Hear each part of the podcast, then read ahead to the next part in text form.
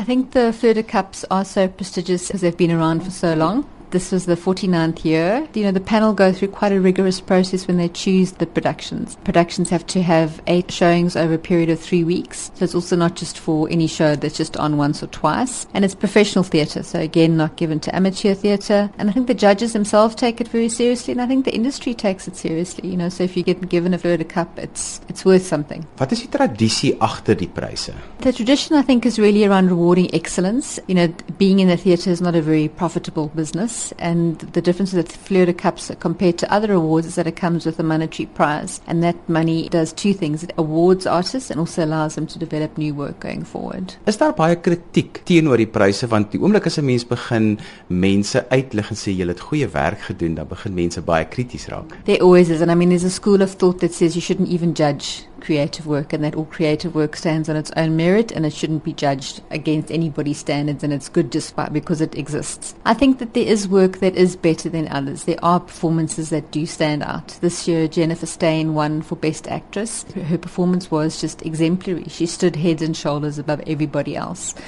So I think that you're always going to be criticized. There's always going to be criticism about how many people win, that it goes to the same people. You know, several people get nominated a lot, for example, in the set design and the sound design categories because there's so few people that work in those industries.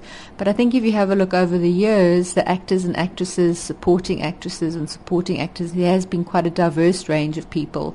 And it's not as if it's the same person that wins every year. It really does go to the most outstanding performance of the year. Nou, maar beoordelaar te wees op die Fleur du Cap paneel deel sit jy in 'n baie unieke posisie want jy sien basies alles wat in Kaapstad gebeur. Dit gee nie net vir jou insig nie, maar ook 'n oorsig oor die industrie. En een van die nuwe dinge wat van verjaar af gebeur is, is dat die panele opiniestuk amper in die industrie teruggee. En hierdie jaar het jy hom geskryf. So Tracy, vertel ons 'n bietjie van die interessanthede wat uitgestaan het vir hierdie jaar. I think for me one of the standout things is the growth of young directors, particularly young women directors. The fact that four of the nominees for the young directors were young women and that also with the young theatre makers because they're not waiting for big theatre companies to come to them and say, do the show or do that show. They're making their own theatre, which means that they're also eligible across the board. So they direct the show, they produce the show, they sometimes act in the show, they do the set, they do the lighting, they do the costumes. They're very multi talented. And in a way, it's a kind of spirit of entrepreneurship that's like transformed itself into the theatre industry. As much as there's smaller theatre companies, there's also smaller theatres. The New Rosebank Theatre opened, Alexander Bar continues to do great work, and although there's big shows like Rocky Horror, and the big musicals at Artscape, I think the smaller theatres are appealing more and more to people who want like an intimate night out and want a you know a show that that doesn't necessarily have to have a big budget to go ahead. Tracy nou ons is 20 jaar in demokrasie, so ons moet vra vra rondom transformasie in die teater en dit is iets waarop die Vrede Kap paneel ook opmerkings oor gemaak het in die opiniestuk en wat jy so mooi verwoord het. Vertel ons aan hoe lyk die transformasie in die teaterbedryf? I think you know in as much as we sitting in a country that's still got a long way to go, theatre's got a long way to go. Theatre reflects society. At the moment, there is still a reflection of the kind of demographics in the work. You know, I suppose it's a bit like sport what's happening on the playing fields and what's happening on the stages. So, unfortunately, there's not a huge abundance of either black or coloured actors on the stage, or even in technical positions in set design, in music design, in costume design. It's slowly changing. I mean, there's more and more opportunities. You know, young directors are coming up in the ranks, but I don't think there's enough of them, and I don't think they're coming up quickly enough. But again, it's not the responsibility of the Fleur Cup panel. At the end of the day, they can award people that are on the stage. So I think the theatre industry as a whole needs to sit back and have a long, hard look and say, why are there so few black actors on stage? There were 804 opportunities given across the board over the 84 productions, which means that 804 opportunities for people to either direct or act or design something. Out of those, 11% went to black people, which is, you know, I think an indictment on a society where our demographics are not 11%.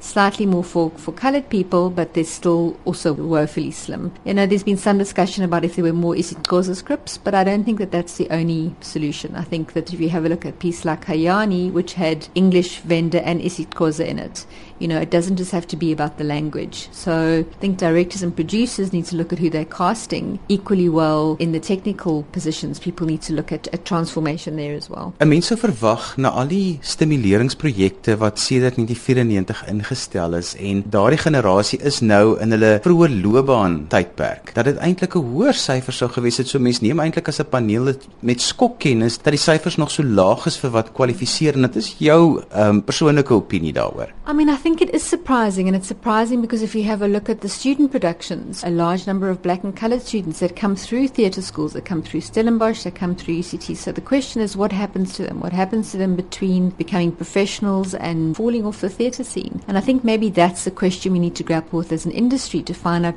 which cracks those people are falling through.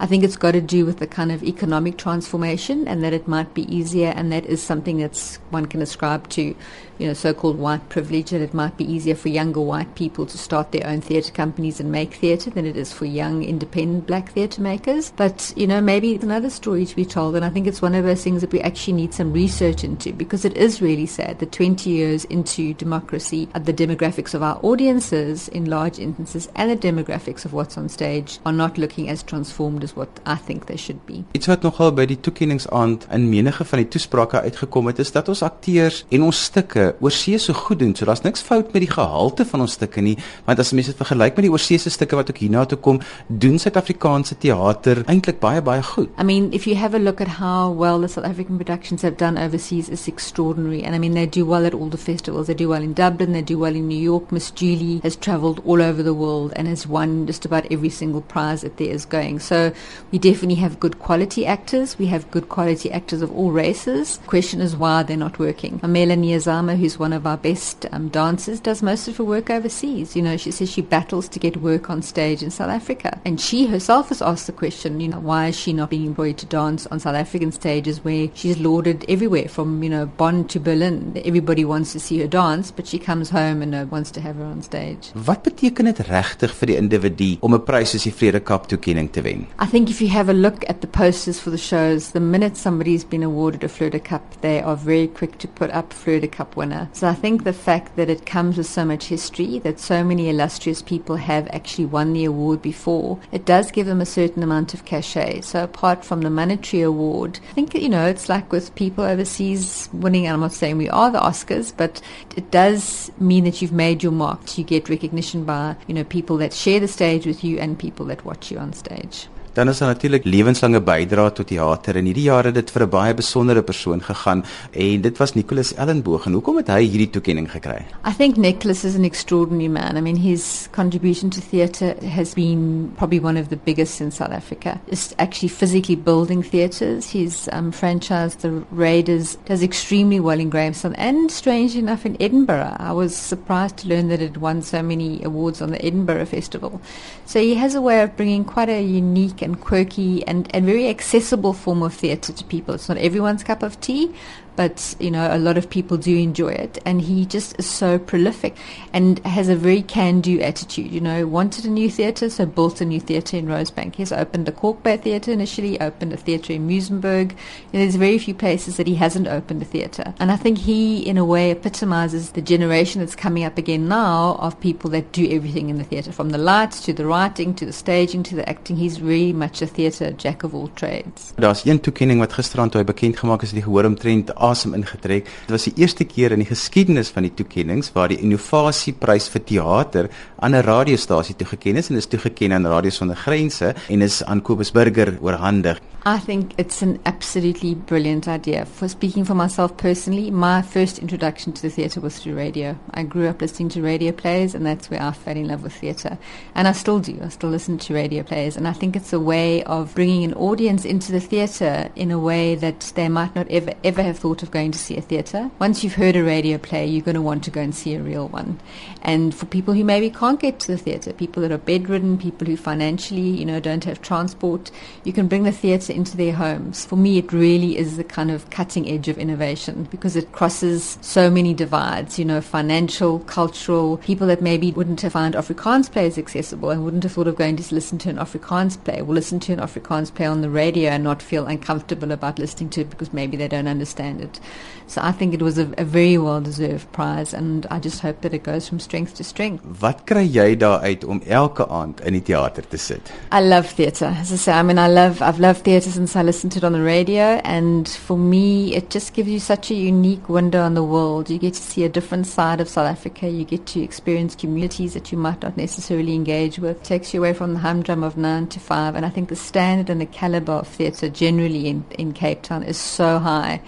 Um, you know, there are some nights where you think this is the fourth night this week I've gone to theatre, but I never get tired of it. I never get bored of it, and I just absolutely love it. I think for me, it's a, it's a whole different world. There was a quote I read a while ago saying theatre can be considered a gym for empathy, and I do. I think theatre develops your sense of of empathy because it's such a live medium. It's different to as much as I love reading and I love music. There's something about being in a live theatre audience that does something to you. You never leave a theatre the same way that you entered.